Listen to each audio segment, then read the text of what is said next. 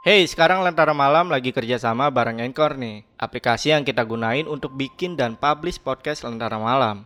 Di sini gue mau kasih tahu bikin podcast gampang banget dan 100% gratis. Semua yang kita butuhin buat bikin podcast tersedia lengkap di Anchor, termasuk distribusi ke Spotify dan platform podcast lainnya. Yuk, download aplikasi Anchor sekarang dan bikin podcast kalian segera. Halo semuanya, kembali lagi di Lentera Malam bareng gue Jamal Dan di segmen Saksi Misteri kali ini gue udah kedatangan narasumber yang akan bercerita tentang pengalaman horornya Dan di samping gue udah ada narasumbernya Dia akan bercerita tentang pengalaman horornya pada masa sekolah Kita sapa aja dulu narasumbernya ada Mas Damar Ya, Apa kabar Mas? alhamdulillah sehat. Oke Nah Mas Damar, ada kejadian apa aja di sekolah pada saat itu? Untuk kejadian banyak. Hmm. Itu sudah dari zaman dulu ya. Hmm. Alumni-alumni sebelum saya juga sudah merasakan. Hmm. Itu dari mulai kerasukan, terus ketempelan, Hmm. penampakan, bahkan suara-suara yang suara ketawa, Hmm. terus suara nangis, itu banyak. Udah sudah banyak. Yo. Karena memang ada sejarahnya itu ada dua kejadian yang di mana kejadian yang sempat tragis ya, terbilang Hmm. tragis dan apa ya horor. Yang pertama ada anak kecil ketabrak, ketabrak sama angkutan umum. Terus yang kedua penampakan perempuan yang di mana kasusnya itu dia gantung diri, Gantung diri ya? gantung diri. Oke, oke Seperti ngeri itu. juga nih. Nah, untuk Mas Damar sendiri ini dulu sekolah tahun berapa tuh terakhir? Eh, untuk SMK setelah saya keluar pondok 2011 12 ya 11 12. 11 akhir 12 awal. Lulus Jadi dua- berarti? Lulusnya tahun 2014. Lulus 2014. SMK-nya ya. Nah, untuk sekolahnya sendiri sampai sekarang masih ada kejadian nggak sih, Mas? Oh, masih. Dari itu baru kemarin saya sebulan lalu tuh ke sana. Hmm. Itu ada ya ada cerita lah dan itu masih kejadian-kejadian seperti itu. Oh, bahkan Mas ceritain ini itu gara-gara kemarin ke sekolah. Iya, betul. Jadi ada cerita baru juga ya? Ada Hmm. dari yang angkatan-angkatan sekarang. Oke, oke. Yaudah, mungkin kalau teman-teman penasaran, tonton videonya sampai habis. Tapi sebelum itu, gue mau infoin ke teman-teman kalau kalian mau jadi narasumber di Lentera Malam, kalian cukup DM aja ke IG-nya Lentera Malam. Nanti ada admin kita yang ngarahin kalian di sana. Dan biasanya itu kalian diminta untuk voice note. Jadi teman-teman, siapin aja voice note. Habis itu kirim ke IG-nya Lentera Malam. Yaudah, buat kalian yang penasaran sama cerita Mas Damar mengenai pengalaman horornya pada saat bersekolah, tonton videonya sampai habis dan tanpa basa-basi lagi, saksi misteri kita mulai.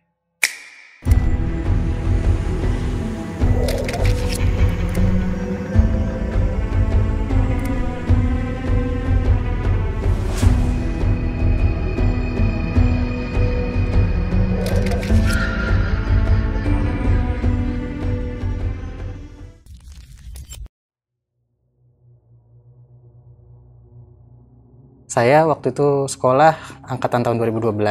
Setelah dari mondok itu saya nggak selesai, saya masuk lanjut ke SMK. Nah, daerahnya itu di sekitaran Bekasi. Letaknya Bekasi Selatan lah, letak pastinya. Nah, di sana saya sekolah SMK ngambil jurusan Teknik Komputer Jaringan. Saya mempunyai pengalaman mistis di saat menjalani MOS, masa orientasi siswa. Nah, di saat ada MOS tersebut di sekolah diselenggarakan selama tiga hari. Dan itu sistemnya dari pagi jam 7 sampai jam setengah 2. Pada hari pertama, waktu MOS itu, lancar-lancar aja, nggak ada nggak ada masalah, nggak ada kendala, nggak ada apa-apa. Pas di hari kedua MOS, siswa-siswi itu kan dikumpulin di satu kelas, eh, bukan satu kelas, tiga kelas jadi satu ruangan gitu ya. Oke. Itu sistemnya kayak rolling door, dibuka di lantai tepatnya di lantai tiga, dijadiin satu ruangan itu, kumpulin lah situ dari kelas satu apa jurusan otomotif segala macem lah yang SMK itu ditaruh sana. Nah di saat kita semua ngelakuin ya mos itulah ya kegiatan mos sampai selesai jam sekitar jam setengah dua itu belum ada masalah tuh. Nggak ada apa-apa sampai itu siswa-siswinya pada pulang. Di saat jam sore setengah empat jam tiga lewat itu kita beli jajanan minuman ditaruh di meja lagi ngobrol tuh ngeriung. Apa sih namanya? Briefing. Kalau saya masa mos hari pertama kedua ketiga kan selalu ada briefing nih. Besok apalagi yang mau dilakukan gitu kan. Nah di saat briefing itu tiba-tiba bunyi suara kayak kaca pecah dan itu si ST satu satu ST satu botol itu itu kebelah. Kebelah bukan pecah jatuh ya. Eh? kebelah kebagi dua. Dan itu jatuh. Tapi tidak pecah. Jadi kayak botol di apa kayak kena pedang kali ya Iya. pedang itu ke slash gitu terus kebagi dua Tiba-tiba itu ya. tiba-tiba dan itu kita ngehnya itu di saat itu yang pecahan atasnya jatuh tapi nggak pecah karena kan di meja nggak tinggi tuh kalau mungkin kalau ke apa lantai pecah akhirnya kita diem dulu sebentar lihat-lihatan udah pulang yuk pulang turun aja di bawah Ini berapa orang yang ngelihat kejadian itu? itu hampir semua sis Semua sih. Iya. Ya sudahlah, karena mungkin udah sore ya. Udah sore jadi akhirnya udah udah selesai kita turun ke bawah. Di situ setelah itu bincang sebentar, briefing lagi di bawah. Udah habis itu hari itu sudah selesai, nggak ada masalah. Di besoknya di hari ketiga ini, ini ada kejadian di mana teman saya, kita sebut aja namanya Indra. Si Indra ini punya pacar, namanya Pipit. Si Pipit bukan OSIS, si Indra ini OSIS. Nah, si Pipit nemenin si Indra untuk OSIS tuh di saat jam pulang sekolah mereka. Eh apa sih Pipit ini? Jadi lokasinya itu tadi kan sudah dijelasin ya untuk lokasi ruang mosnya itu kan tiga kelas jadi satu. Di lantai tiga di sebelah sisi kiri itu ada lima kelas. Yang dipakai mos tiga tiga kelas tiga ruangan. Tapi dijadikan satu dia bentuk pintunya tuh apa rolling door. Nah yang sebelah kanan sama lima cuman gak dipakai. Di pojok itu kamar mandi dua dua pintu kamar mandi yang sebelah kiri itu nggak dipakai ditutup digembok terus samping kamar mandi samping kelas yang paling ujung itu ada tangga buat ke bawah Nah, terus ada tangga lagi yang sisi belakang tadi tuh yang dekat kelas pertama. Nah, si Pipit ini nunggu di kelas yang paling pojok gitu loh, karena dia kan bukan OSIS. Jadi dia nunggu di sana dan sendirian posisinya. Sendiri. Si Indra kan nggak mungkin ngajak si Pipit itu kan. Akhirnya si Indra itu gabung sama kita dulu tuh, si Pipit sendirian di sana. Nggak lama, udah mau selesai si Indra ini ngecek si Pipit. Ngecek ke kelas, pas lihat kondisinya tiba-tiba kita yang lagi di ruangan itu di dikagetin sama si Indra dia tiba-tiba lari ke kelas yang kita lagi mos dia manggil saya mar mar mar mar sini sebentar gitu karena kebetulan saya sebagai rohis ya ikut di perwakilan rohis untuk osis dia manggil saya kenapa bantuin gue dong itu si pipit gitu kenapa si pipit? Gitu diem aja bengong katanya seperti itu. Loh kok bengong? Emang ngapain? Kok ditaruh di sana? Kenapa nggak di bawah? Awalnya saya gituin kan. Karena ya itu bagian bukan osis juga kan ngapain gitu loh. Ya nggak apa-apa dia nungguin gua kata Indra seperti itu. Ya udahlah akhirnya kita ke sana. Saya lihat kondisi Pipit di situ. Dia madep ke jendela keluar. Jadi jendela itu langsung madep ke arah arah luar lah pokoknya. Nah terus kan di pinggiran jendela itu ada kayak kayu buat pembatas gitu. Jadi bisa nyindir tangan gitu loh gini Iya. ya kan? Nah dia nyender di situ. Gini awalnya diem. Diam dengan mata kosong. Saya ngeliat dari samping. Saya tegur kan. Pit kenapa? Kok diem aja? Pit diem aja kan. Si siapa? Indra udah takut gitu. Rasanya udah udah khawatir. Terus ke belakang dulu sama saya. Itu kenapa? Si Pipit awalnya gimana? Saya tanya gitu kan. Terus kata si Indra iya jadi ditaruh sini gue suruh tunggu. Terus gue tinggalin tadi kita ada acara pas gue balik tiba-tiba udah diem aja. Gue panggilin nggak bisa. Apa nggak nggak nyaut gitu loh nggak nengok juga. Udah lah akhirnya kita balik lagi ke si Pipit nih. Pit Pit gitu. Sadar sadar gitu kan. Pit gitu kan. Masih diem tuh masih kaku aja. Dan itu tuh ngeliat dari samping matanya kayak kosong gitu. Kayak kayak bengong bener-bener bengong. Gak lama posisi pas setelah kita tegur kayak tadi ya kita iniin manggil teman-teman yang lain minta bantuan. Minta bantuan saya masih di situ kondisinya. Saya liatin dia sempet agak bukan nengok matanya ngelirik gitu. Matanya ngelirik sini kayak ngeliat sini situ ya. Lihat ke saya terus pit jangan bengong gitu kan. Terus balik lagi dia lurus matanya maksudnya udah nggak ngeliat itu. Diam diam pas teman-teman pada datang sama si siapa? Indra di situ dia nangis. Nangis bener-bener kayak sedih. Tapi awalnya itu saya nggak ngeh ya tiba-tiba udah ada air mata gitu. Karena kan pas eh, apa anak-anak pada datang saya nggak nggak fokus ke dia dulu sini sini gitu kan ngebantuin gitu. Pas saya lihat udah udah netes itu belum bersuara. Terus tiba-tiba pas udah rame mau nyamperin nah itu baru nangis kejer. Nangis kejer terus sedih banget kayaknya bener sedih. Kondisinya masih kaku masih begini. Jadi tangannya gini nangis sesedukan sesegukan gitu kan. Terus tiba-tiba diem ketawa. Ketawanya itu ketawa apa ya kayak ngeledek. Gitu. Gitu sebenarnya eh, kita tuh osis sama siswa-siswi di situ tuh udah bukan hal yang aneh lah untuk hal-hal yang kesurupan kayak gitu seperti itu karena memang sekolah ini tuh punya sejarah sejarah yang inilah yang kelam mungkin ya Iya. Nah, di situ kondisinya di saat si Pipit lagi ketawa-tawa tuh, saya langsung ngerasa, wah ini udah masuk nih. Si saya udah tahu dengan sosok yang masuk. hantu yang hantu yang ada di yang ngerasukin lah Hmm. karena memang itu sudah terkenal di sekolah itu jadi bukan cuma sekali dua kali. Iya. ya jadi udah sering. Bahkan pernah hampir kesurupan massal dengan yang ya entahlah ya kita kan gak ada tahu ya namanya hantu-hantu itu. Nah setelah nangis sedih akhirnya udah paham kita di situ ada namanya guru agama minta tolong. Mungkin hantu-hantu di sana juga bosan kali ya sama dia karena udah sering di apa usir-usirin gitu. Kalau lagi ngerasukin usir keluar keluar kita panggil. Nah kebetulan udah pulang nah setelah kita dapat info seperti itu ya saya juga bingung kan ini gimana gitu kan nyelesainnya. Jadi habis nangis sedih sesugukan tiba-tiba ketawa. Masih masih ketawa. Terus diam. Ketawa lagi diam. Dan kondisi itu tuh benar-benar masih gitu tangkut tangan. Masih. masih itu nggak berubah dari posisi bergerak? nggak. Sampai saya sama si Indra itu coba gerakin dia itu berat. Maksudnya nggak mau nggak nggak berpindah gitu loh. Iya. kita angkat pun bukannya angkat apa sih namanya pangku tangan kita tarik tuh nggak bisa. Kayak keras gitu. Posisinya bener-bener kayak gini terus ditarik itu masih kaku gitu. Dan itu ketawa. Jadi kayak ngeledek. Udah di situ saya bilang sama si Indra ya Indra coba cari siapa yang di bawah. Nah nggak apa-apa ntar coba deh gua usahain coba gitu kan bisa nggak. Nah di situ saya coba. Awalnya saya obrolin sama si Pipit maunya apa? Jangan ganggu orang ini. Orang ini nggak ada salah apa-apa. Saya gituin. Terus dia bilang saya suka sama orang ini. Dia cantik. Saya mau bawa dia nggak bisa. Kamu tuh beda alam sama dia. Tapi saya mau bawa orang ini. Nemenin saya di sini. Udah di situ saya baca surat pendek baca ayat-ayat tertentu saya usapin aja palanya tak baru lepas. Dan itu lepasnya langsung tempat duduknya itu kan kayak orang kampus ya? Hmm, tapi madepnya gimana ya? Kan dia madep jendela begini terus bangkunya madep depan madep papan tulis. Oke. nah lagi model miring gitu nempel jatuh langsung ke ini kan ke mana? Papan itu. Papan bangku ya. Udah jatuh udah.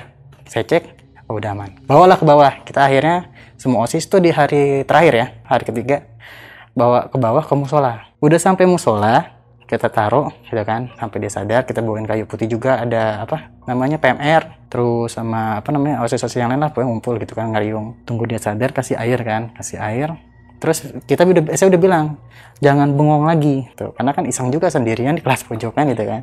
Di bawah jangan bengong lagi. Ya udah udah udah sadar tuh. Udah sadar. Yalah akhirnya si yang nemenin di situ PMR sama si Indra. Kita udah udah nggak ngeriung di situ. Akhirnya kan udah selesai tuh. Jadi nanti si Indra tinggal bawa pulang kan antar pulang. Gak lama si Indra nyamperin lagi ke ruang osis. Dia ngasih tahu mak itu masuk lagi mak katanya. Nah di situ posisinya dia tegak tiduran tegak gini dan itu nggak bisa diapa-apain. Maksudnya kita sentuh kita geser gitu nggak bisa kaku gitu. Dan itu matanya melotot. Akhirnya saya juga udah bingung ya kalau udah tar dikeluarin masuk lagi terlihat tergantung orangnya sih. Tapi kalau dikeluarin masuk lagi saya juga udah bingung. Akhirnya coba saya nyari guru agama di dalam. Karena udah nggak ada ya udahlah terpaksa. Akhirnya saya coba bant- eh, minta bantuan sama pengurus yang di sekolah tuh. Tolong dong bantuin bang gitu kan kenapa sih? Gitu. Kan memang pengurus di sekolah udah kenal lah eh, tentang sekolah itu gitu ya. Dan hal-hal yang kayak gitu udah udah lumrah untuk dia. Akhirnya saya minta tolong di situ untuk ke bantuin coba diobrolin gitu kan. Pas nyampe ke sana itu udah nggak udah nggak tiduran. Itu posisinya udah merangkak dia. Kayak jadi dari tiduran itu pas kita balik saya balik ya. Hmm.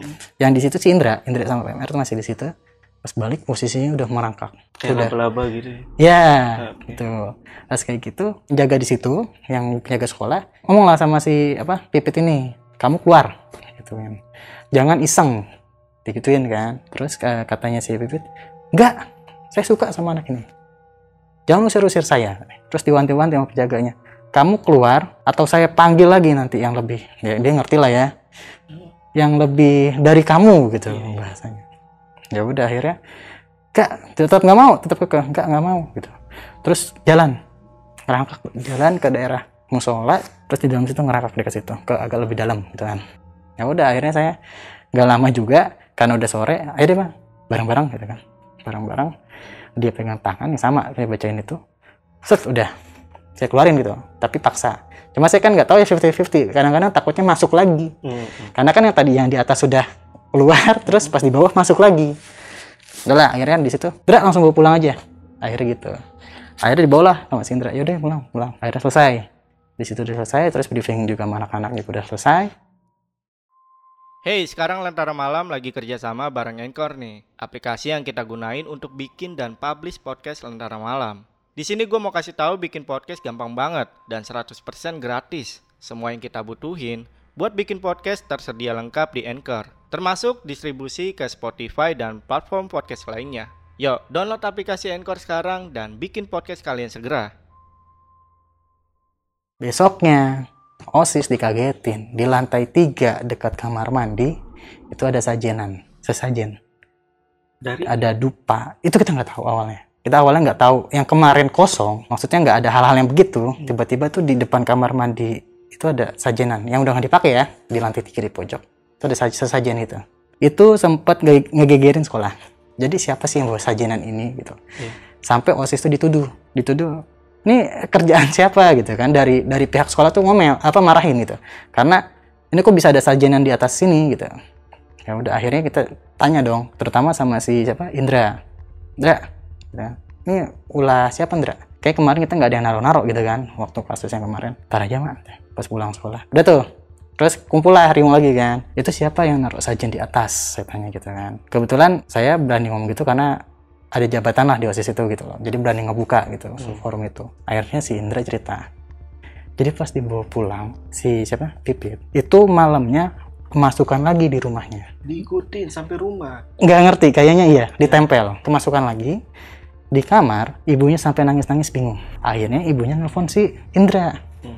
Gitu. Ditanyain. Akhirnya eh, pas ditelepon Indra cerita Indra ini si Pipit kenapa? gitu. Kok di rumah nggak biasanya kayak kesurupan gini? gitu loh kata ibunya gitu. Ah kesurupan gimana bu? katanya kan. Udah kamu ke sini dulu deh bantuin ibu katanya. Ya udah akhirnya nggak lama si Indra ke sana lah ke, ke rumahnya si Pipit. Kebetulan rumah Pipit sama sekolah sama rumah si Indra ini jauh. Hmm. jadi nggak nggak searah lah gitu. Jadi agak lama si Indra nyampe ke sana. Ibunya karena si siapa? Si Pipitnya kesurupan akhirnya kamarnya dikunciin dulu si Pipit itu. Ya jadi biar tenang gitu. Maksudnya bukan biar tenang. Ya biar kabur. nggak kabur lah nggak aneh-aneh gitu kan. Dikunciin di kamarnya terus datanglah si Indra gitu kan. Indra datang ditanya dulu ke sama si Indra kayak si Pipit kenapa bu? Gitu kan. Nggak tahu itu tiba-tiba ngamuk-ngamuk gitu ngelemparin apa rias-riasannya sendiri di dalam kamar itu kondisinya dia marah-marah ngamuk-ngamuk udah berantakan akhirnya dia di- diem di kasur duduk. Duduk kayak termenung gitu. Hmm. terus suka ketawa-tawa sendiri.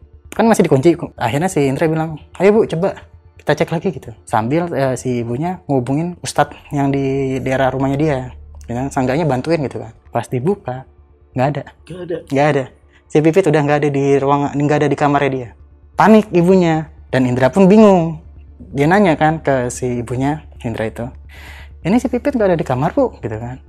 Loh tadi di kamar gitu kan. Terus ke mana? Apa kabur lewat jendela? Jendelanya nggak? Teralis nggak mungkin katanya. Gak muat sama tubuhnya dia. nggak teralis bang. Teralis besi. Oh ada besi-besi. ya ada besi-besi teralis itunya. Kan nggak mungkin nggak nggak masuk gitu Iya, kan. satu-satunya keluar pun hanya lewat itu pintu kamar. Ditanyalah sama Indra ke ibunya. Tadi emang kerasukannya gimana bu? Gitu kan iya ngamuk-ngamuk terus suaranya beda bukan kayak suara si pipit gitu. Ya udah akhirnya oh ya udah. Kayaknya Indra tahu kan. Meluncurlah si Indra ke sekolah bilang sama pamit sama ibunya. Bu kayaknya saya harus ke sekolah dulu deh bu. Saya coba cari si pipit di sana gitu. Terus ibunya bilang ibu ikut tapi nyusul ya bareng bawa ustadz katanya. Oh, ya udah. Udah lah akhirnya ke sekolah pas nyampe sekolah si Indra itu ya itu kan digembok ya dikunci gerbang utamanya itu. Akhirnya panggil ini penjaganya gak kebuka lah. Akhirnya dicoba telepon diangkat. Pas itu nggak lama keluar kan si penjaganya. Bukain pintu terus nanya emang ada apa? Nggak apa-apa pak. Kayaknya barang saya yang ketinggalan. Kan besok bisa kata bapaknya kan. Nggak apa-apa pak. Itu penting pak. Dia bilang gitu. Ya udah jangan lama-lama ya gitu kata penjaga sekolahnya. Udah masuk gedung kan ya Nah, kelas kita kan di atas. Kelas 3 tuh di atas. Hmm. nah naik tangganya itu ada pintu lagi ada ada gembokan. Dua tangga itu yang yang satu sama yang dalam lagi itu digembok. Benar-benar digembok. Nih jangan lama-lama dibukain juga kan. Ya pak. Pas ke atas dia nyamperin ke kelas yang pojok.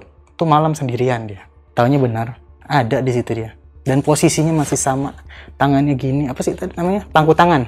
Masih begitu dan itu menghadap jendela. Jadi si pipitnya ada di kelas. iya itu pangku tangan dia udah udah posisi kayak yang tadi siang itu. Itu udah kondisi begitu kaku dan itu diem bener-bener matanya kosong. Si Indra itu kaget langsung uh, ngehubungin ibunya. Bu ada di sekolah. Udahlah tuh. Ya sama Ustadz ya dibawa gak lama ternyata ibunya pas datang bawa sajenan itu. Oh. jadi yang bawa paginya itu ibunya. Saya kurang tahu ya itu untuk apa gitu ya cuman pas di besoknya itu juga kan udah digeger lah geger terus akhirnya kita yang kena. Pas dibawa saya nggak tahu tujuannya apa udahlah akhirnya kondisi pas saat itu si Indra nyadarin si Pipit digoyang-goyangin nggak bisa. Kayak kayak kondisi siang lah kaku gitu. Dan itu sempat ada ketawa-ketawa sedikit. Nggak lama gitu kayak hehehe diam dan itu diliatin sinis. Mat, eh, pandangan ke depan matanya apa sih sinis itu ngelihat ke kiri gitu nengokin ke si Indra ini. Naiklah sama Ustadz ibunya datang naik ke atas sama Ustadz ke lantai tiga. Dilepasin lah sosoknya tuh. Akhirnya udah pingsan lagi terus ibunya ke kamar mandi katanya si Indra itu. Kamar mandi yang depan kelas ditaruhlah di situ. Sesajen di situ terus nggak lama baru pulang. Pulang semua udah. Besoknya itu udah selesai malam itu. Itu tadi yang saya cerita. Kok tiba-tiba ada sajen di depan? Iya. Nah, itu kita satu sisi kesel lah ya denger itu karena kan kita yang kena juga apalagi ada apa namanya ada kejadian hal-hal yang kayak gitu. Nah pada saat itu akhirnya diputuskan sama sekolah juga. Di atas setengah lima itu udah nggak boleh ada yang di atas gedung. Maksudnya udah nggak ada yang boleh di kelas. Hmm. di atas setengah lima. Karena memang sekolah itu kejadian-kejadian yang an- aneh itu rata-rata yang bakal nampakin itu di atas setengah lima. Apalagi menjelang maghrib. Jadi muncul peraturan baru ketika ada kesurupan si Pipit. Betul. Nah, setelah lewat eh, masa-masa itu ya, masa-masa kesurupan si Pipit itu, ada beberapa yang akhirnya ikutan juga. Kesurupan juga. Betul. Beberapa siswa siswi ya, terutama siswi yang perempuan itu yang kesurupan akhirnya dibawa ke musola. Nah, kalau pas yang lain itu kesurupan, kebe- kebetulan ada guru agama di situ. Jadi nggak lama, langsung keluarin, keluarin sampai diancam sama guru agama. Jangan isengin lagi apa siswa-siswi di sekolah ini. Ya udahlah, tetap aja nama apa sih kekeh ya bahasanya, keras kepala gitu. Enggak, enggak, enggak, paksa, dipaksa. Udah, akhirnya udah untuk masalah yang si Pipit dan kesurupan itu Hmm. hampir sempat kesurupan masal tapi enggak sempat eh, tertangani sama guru agama itu Loh, memang pada saat si Pipit itu malam-malam ada di sekolah, itu penjaga sekolah gimana menurut kesaksian dari penjaga sekolah? penjaga sekolah juga kaget bang dia nggak tahu karena emang kondisinya digembok semua Masih digembok ya? iya kondisinya masih digembok karena eh, memang udah malam Mm-mm. itu sekolah itu dari pintu gerbang sampai ke dalam itu yang ruang kelas udah digembok semua dan itu penjaga sekolah juga nggak tahu itu masuk lewat mana Itu sih yang aneh ya. nah itu sampai sekarang belum terpecahkan bisa dari rumah juga nggak ada nggak tahu lewat mana dan tiba-tiba udah sampai di sekolah Nah, ini kan ada Pak Ustadz ya tadi ya. ya Pak Ustadz sempet ngasih jawaban. Oh enggak, kalau dari ceritanya Indra enggak. Jadi Pak Ustadznya itu cuma bantu ngeluarin terus langsung buru-buru pulang. Karena emang kondisinya satu udah malam kali ya. Udah malam terus ngelihat kondisinya si Pipit juga udah capek mungkin. Ya udah langsung aja pulang. Jadi nggak ada itu sih.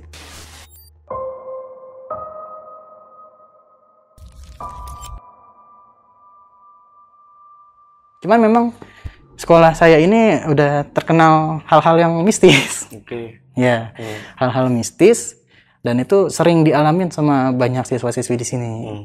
yaitu entah ada anak kecil Hmm. ada sebenarnya yang masukin si pipit ini saya tahu karena ada ceritanya Oke, apa tuh ceritanya? jadi gini banyak yang beredar cerita dari masyarakat terutama siswa-siswi yang alumni Hmm. tentang sekolah ini nah saya juga dapat sumber cerita ini dari satpam beda ya yang menjaga sama satpam satpam security yang di depan gerbang itu ceritain jadi kata satpam sekolah itu cerita yang terdahulu sekolah pernah bekas jadi rumah sakit terus sesudah itu jadi office sampai dibikin lantai tiga. Jadi dulu itu belum apa namanya belum sampai lantai tiga. Nah sekarang sudah sampai lantai tiga plus sisa office nah waktu zaman sekolah apa zaman rumah sakit itu nggak ada nggak ada cerita dari sekitar itu nggak ada nggak ada masalah lah nggak ada hal-hal yang aneh gitu. sampai yang di office itu. Di office ada kejadian satu perempuan itu dia karena nggak tahu ya karena putus cinta atau karena masa masalah pasangan lah nah di situ dia ngambil jalan pintas karena frustasi akhirnya dia gantung diri Gantung diri. gantung diri itu informasi dari satpam Di mana tuh? di pojok di kamar mandinya. Jadi di lantai tiga pojok itu ada kamar mandi, ada dua kamar mandi kiri sama kanan. Yang kiri itu digembok, nggak boleh ada yang masuk. Dari semenjak saya pertama kali masuk sekolah situ, lantai tiga nggak boleh, nggak boleh dipakai buang air kecil, Hmm. nggak boleh dipakai buang air besar. Kecuali yang sebelah kanannya Hmm. itu dibuka, tapi memang jarang. Biasanya rusak ya? kalau untuk rusak saya rasa nggak sih ya. Hmm. Cuman memang pernah iseng ngintip anak-anak otomotif terutama itu isinya bangku-bangku aja. Jadiin gudang. Betul. Jadi bangku-bangku kayu itu ya. Cuma ya itu nggak nggak terurus lah. Jadi kisahnya seperti itu. Ada cewek karena masalah percintaan, akhirnya dia memutuskan gantung diri. Entah masalahnya apa, dia gantung diri di situ. Dan sampai saat ini masih sering di sana. Dan masih dikunci. masih, karena memang tidak boleh. Dan ketentuan pulang yang eh, apa kosong yang setengah lima itu masih berlanjut. Kecuali memang kalau ada kegiatan ekstrakurikuler atau yang lain itu dialihkannya ke bawah ke dasar. Pokoknya lantai tiga, lantai dua itu tidak boleh diisi. Kalau lantai satu masih karena dekat ruang kepala sekolah sama ruang guru. Hmm. Tapi udah lantai dua, lantai tiga itu harus kosong. Tapi memang nggak ada satu guru pun yang ngasih tahu kalau kenapa toilet itu dikunci. Enggak. Kalau dibilang nggak ada, nggak ada ya. Karena kita juga nggak terlalu nanya ke guru. Lebih ke alumni mungkin yang pernah kejadian sama ya kayak tadi lah security, penjaga sekolah. Karena kalau guru kalau nanya gitu pak pasti ngebales. Ngebalesnya ngapain sih? Orang nggak iniin kok, nggak ganggu gitu. Jadi nggak lebih nggak peduli lah, biarin biarin aja gitu.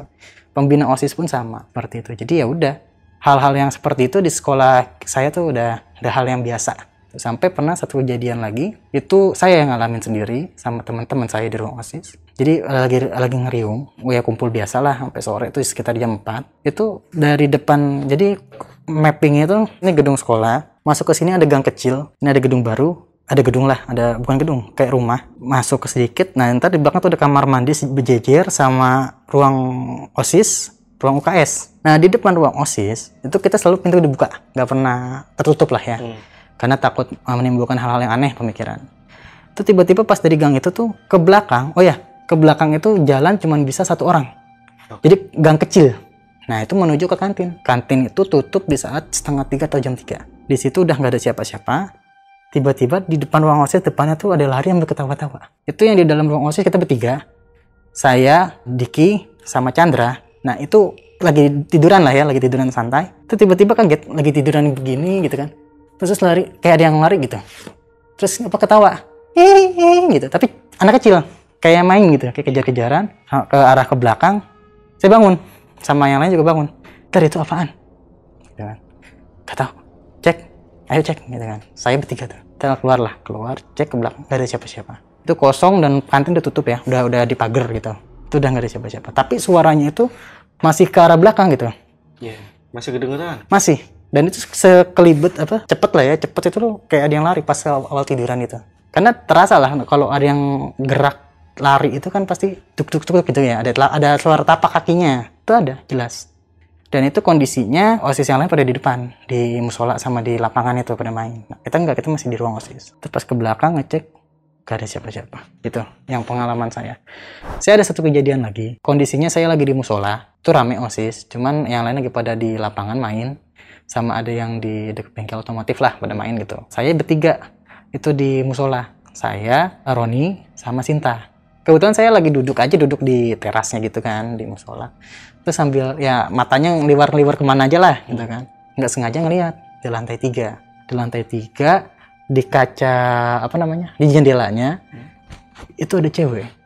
Dada dada dada dada diem kaku gini dada itu saya lihat bertiga. Di situ saya kondisinya senggol senggolan awalnya ternyata si Sinta yang senggol si Roni gitu kan. Saya masih ngeliatin di situ. Lihat deh di lantai atas. Apaan sih? Si Roni belum nge pas lihat iya. Dada dada saya yang nyenggol si Roni. Ron. Lihat ke atas deh. Apaan? Oh itu. Udah tahu udah masih liatin. Roni seperti itu. Iya lihat dulu itu. Dada dadain balas dada deh. Saya gituin aja akhirnya. Pas ngeliat udah udah udah. Gue usah liatin lagi. Kata si Sinta gitu kan. Udah biarin. Kita ngeles aja gitu matanya ke mana? Ya udah akhirnya. Udahlah gitu kan kita nggak lihat. Saya tuh di situ masih penasaran bang. Kok bisa bisanya apa ya nampakin terus ngedada-dadahin ngapain gitu maksudnya? Sosoknya kayak gimana? sosoknya cewek. Itu pakai baju apa bukan baju putih ya kayak baju kemeja. Warnanya gelap sih nggak tahu warna apa kayak biru atau apa gitu. Hmm. tuh jauh karena jauh jujur jauh itu. Terus rambutnya panjang sebahu itu dada dada ponian dari jauh hanya kelihatan segitu. Kalau untuk detail baju semuanya nggak nggak ini cuman warnanya gelap terus dada dada tangannya putih semuanya putih. Putih pucat Dan itu nggak ada siswa lain. sudah nggak ada. Itu udah setengah enaman mau maghrib. Jadi bener-bener udah nggak boleh ada orang di sana kan? Udah kosong tinggal ekstrakurikuler yang di bawah osis juga cuma pada main di bawah. Saya bertiga itu saksi. Ngelihat di atas ada yang dada-dada. Saya setelah penasaran saya liatin masih terus kan? Nggak lama saya abaikan lah. Udah diabaikan saya lihat lagi udah nggak ada. Udah bener-bener nggak ada di tempat situ Ini kan di- termasuk di dalam kelas juga ya si cewek itu. oh iya betul Ini kelas yang sama gak sih sama si Pipit yang kesurupan? nggak beda Beda ya. beda. Jadi ceritanya juga punya cerita memang si sosok itu sering jalan lantai dua tiga dua tiga. Dan kemungkinan sosok yang lo lihat itu adalah sosok yang tadi diceritain sama satpam. Betul. Karena memang sosok perempuan ya cuman dia di situ. Oh, dari cerita yang pernah Betul. kesurupan, sosok perempuan sosok itu doang. Betul. Itu juga sih sekolah lu. Ya itulah walaupun kelihatannya Bagus ya? Iya Tadi bagus. karena gue ini sempat ngeliat juga nih eh, sekolah yang diliatin sama Bang Damar ini. Ya kelihatannya bagus lah ya. Mm-mm. Tapi ya itu eh, menyimpan kisah mistis di dalamnya. Gitu sih. Ya, banyak kejadian juga bang. Banyak pengalaman dari yang sebelum-sebelum saya juga banyak. Sempat juga katanya ada kegiatan di musola terus kena kesurupan tiga orang. Itu secara tiba-tiba aja. Tapi bukan yang di gedung, bukan yang di apa cewek yang itu bukan. Hmm. Beda-beda. Beda-beda. Karena balik lagi cerita-cerita dari apa namanya alumni sama penjaga ya, penjaga yang sebelum kan kalau kalau yang kisah si Indra itu baru terhitungnya Mm-mm. baru tuh belum terlalu lama. Ada lagi sebelumnya itu dia pernah cerita, maksudnya kerjanya masih kerja, cuman berdua gitu akhirnya Siapa nih? penjaganya. Penjaga, oke. Nah jadi ada yang udah lamanya lah. Hmm. Nah itu sering nemuin sosok-sosok kayak hitam, gede, rambutnya itu ya kayak genderuwo ya, kayak gitu itu di belakang di kantin. Dia sampai mapping-mappingin waktu itu tuh sama, karena kan kita osis penasaran ya, mana sih titik yang di mana nggak boleh kita ngelakuin sesuatu, mana yang memang bisa kita adain aktivitas. Hmm. Karena khawatirnya itu tadi, tiba-tiba lagi ngadain kayak kelas meeting segala macam, tiba-tiba kesurupan kan kita juga yang ribet gitu. Hmm. Ya udah akhirnya dikasih tahu sama dia, pokoknya kalau jam sekian gitu, hati-hati kalau daerah sana. Terus kalau mau di kelas ini permisi, masuk terus berantakan atau apa gitu. Hmm. Ya kalau SMK kan gitu ya hidupnya. Kadang-kadang mejanya aja di mana gitu. Saya rasa itu sih, Bang, cerita yang dari sekolah saya itu. Nah, kalau untuk si security-nya sendiri pernah ada kejadian nggak? Kalau security-nya sendiri, kalau cerita biasanya pasti ada ya. Cuman dia nggak nggak pernah cerita kisahnya dia. Dia cuman pernah ngeliat dengan matanya dia tuh kayak anak kecil. Jadi gini, sejarahnya itu anak kecil yang lari itu, yang lari di sekolah, karena faktor yang kecelakaan. Karena anaknya sama kecelakaan. Jadi dulu itu itu kan sekolahnya aktif itu mulai tahun 88. Mm-mm. Tahun berapa dia bilang tahun 90-an itu ya. SMP sama SMP digabung. SMA beda gedung, beda tempat gitu ya. Dulunya Nggak sampai sekarang masih. sampai sekarang masih. Iya, SMP sama SMP digabung. Nah, dulu ada murid SMP, pas ngambil rapot sama apa bawa ibu sama sama adiknya. Adiknya masih kecil. Pasti saat ibunya lagi di depan tuh, di depan satpam. Ini cerita dari satpam ya. Si anak itu nggak kepantau sama ibunya. Lari ke jalan raya ke depan. Pas udah lari ke depan, nggak lihat lah, nggak kepantau sama nggak pengawas sama ibunya, tabrak sama angkot. Itu faktornya. Untuk si sosok anak kecil ini ya. Iya, karena security itu bilang kalau ngelihat anak kecil dengan sosok seperti ini ini, ini itu pernah kecelakaan. Jadi memang eh, yang dia juga pernah lihat sosok itu, tapi nggak mengganggu ya. Dan mereka tadi ngeliat jauh, Hmm. karena kan posisi di depan. Sama persis dengan yang kecelakaan itu. Karena kan dia ikut bantu tolong di saat waktu kecelakaan. Infonya seperti itu. Oh gitu. Iya, karena memang di depan persis sekolahnya. Jadi depan sekolah tuh langsung jalan raya. Mm-mm. Seperti itu.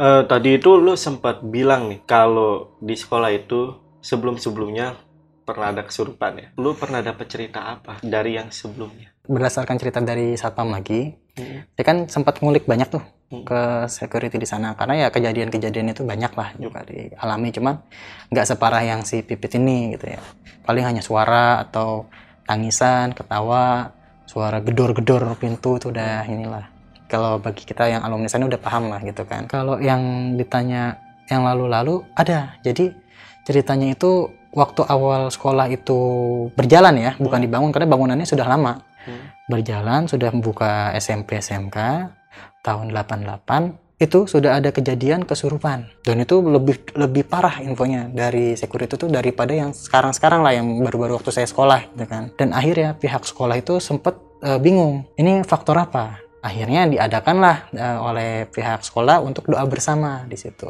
Sama sama apa karyawan-karyawan di sana mahasiswa-siswi di sana berdoa bareng-bareng. Semoga tidak digangguin lagi hal-hal yang seperti itu. Akhirnya pas sudah berjalan tuh sempat eh, info dari satpamnya itu nggak ada gangguan. Nggak ada kejadian setahun dua tahun. Tapi itu tiba-tiba kadang ada lagi. Jadi kayak jedaan gitu ya. Sekian lama udah nih gak ada masalah. Terus ada lagi seperti itu. Kalau untuk gangguan-gangguan kecil memang dari dulu sudah ada. Itu sih. Sampai sekarang. iya. Lu pernah dapat cerita tentang kesurupan atau kejadian horor di sekolah lu ini tahun tahun sekarang nih? oh setelah sekarang. setelah gue udah nggak di sana? Iya. kalau cerita-cerita masih. Tapi itu seputar kayak misalnya lagi belajar gitu ya kadang-kadang kelas 3 itu kan namanya nyiapin buat UKOM uji kompetensi untuk SMK itu kadang pulang lebih lebih sore daripada yang belajar biasa gitu ya. Nah itu kadang ada yang gangguin aja. Yang entah ngetok-ngetok kelas jadi ada kayak ditutup itu kelasnya terus diketok-ketok dibuka nggak ada orang. Itu masih sering. Jadi hal-hal yang kecil-kecil itu masih ada. Kadang ada suara naik tangga dari lantai 2 ke lantai 3 pas dicek nggak ada. Ada satu kejadian dari adik kelas. Itu kalau otomotif rata-rata kan anak-anaknya gitu ya gimana ya? Sembrono. ya gitulah. Habis jajan naro gelas beling Ya, segala ya. macam berantakan. Ya. itu mau di tangga. Ditaruh di tangga di antara lantai 2 dan 3 di antara tengah-tengah ya. Itu nggak ada siapa-siapa lantai 3 lantai 2 ada. Lantai 3 nggak ada siapa-siapa tiba-tiba jatuh. Dan itu di depan anak ini yang cerita. Jatuhnya tiba-tiba jatuh. Dan itu gelinding dan pecah di bawah itu cerita dari yang sekarang ya yang angkatan-angkatan baru ini. Kemarin juga sempat aktif ke sana coba main aja sih seputar main. Itu cerita-ceritanya seperti itulah. Kalau untuk penjaga sekolah, penjaga sekolah saya kebetulan nggak nggak terlalu ini ya. Kalau saya ngulik itu dari apa satpam. Satpam ya. Nah, karena satpam itu lebih lama pekerjaannya di sana karena memang dari awal. Kalau penjaga sekolah itu kalau dibilang kayaknya ngerasain ya hal-hal yang kayak gitu bahkan lebih karena kan dia sampai malam juga cuman nggak nggak pernah saya kulik Tapi selain anak kecil, tragedi anak kecil, ada gak tragedi lain entah dari siswa gitu? dari siswa nggak paling yang bunuh diri itu sih yang perempuan yang masalah di lantai tiga Tapi itu kan office ya. Iya itu pada zamannya Pas zaman betul office. ya. Untuk sekolah nggak ada ya. sekolah nggak ada jadi secara nggak langsung memang dari udah lama Hmm. akhirnya ke bawah terus sampai sekarang. Sampai sekarang masih seperti itu Ini lokasinya di mana? di Bekasi Bekasi ya. betul Ini cukup terkenal gak sih sekolahnya? Karena gue lihat sih bagus sih sekolahnya. kalau dibilang terkenal terkenal bandel kayaknya anak-anaknya Terkenal bandel ya? Iya. Oke oke. Jadi mungkin anak-anak Bekasi nih tahu nih kemungkinan ya. bisa SMK jadi ya? SMK SMK. Swasta. Oke, swasta ya. swasta Ada berapa jurusan di SMK ya? waduh kalau tahun saya ada lima Hmm. cuman kayaknya sekarang kurang deh karena mungkin pandemi ya Hmm, daring juga jadi mungkin yang nggak ngerti deh tapi saya cek terakhir udah sepi sih lebih sepi Tadi itu clue-cluenya ya. ya Bekasi mana? Bekasi Bekasi lah pokoknya ya. Bekasi ya. Berani lagi ya. Karena seperti yang tadi Mas Damar bilang kalau sekolahnya ini sampai sekarang pun masih banyak kejadian horor ya. masih Bahkan berlanjut. toilet yang di pojokan itu tidak dipakai tidak dipakai, masih dikunci ya. tidak tidak boleh Tidak boleh. malah. tidak boleh bukan tidak dipakai Mas Damar sekali lagi thank you ya Iya. udah datang di Lentera Malam ya. Oke itu aja eh, cerita dari Mas Damar mengenai kejadian horornya pada saat di sekolah. Yaudah, gua Jamal dari Lentera Malam pamit dan Mas Damar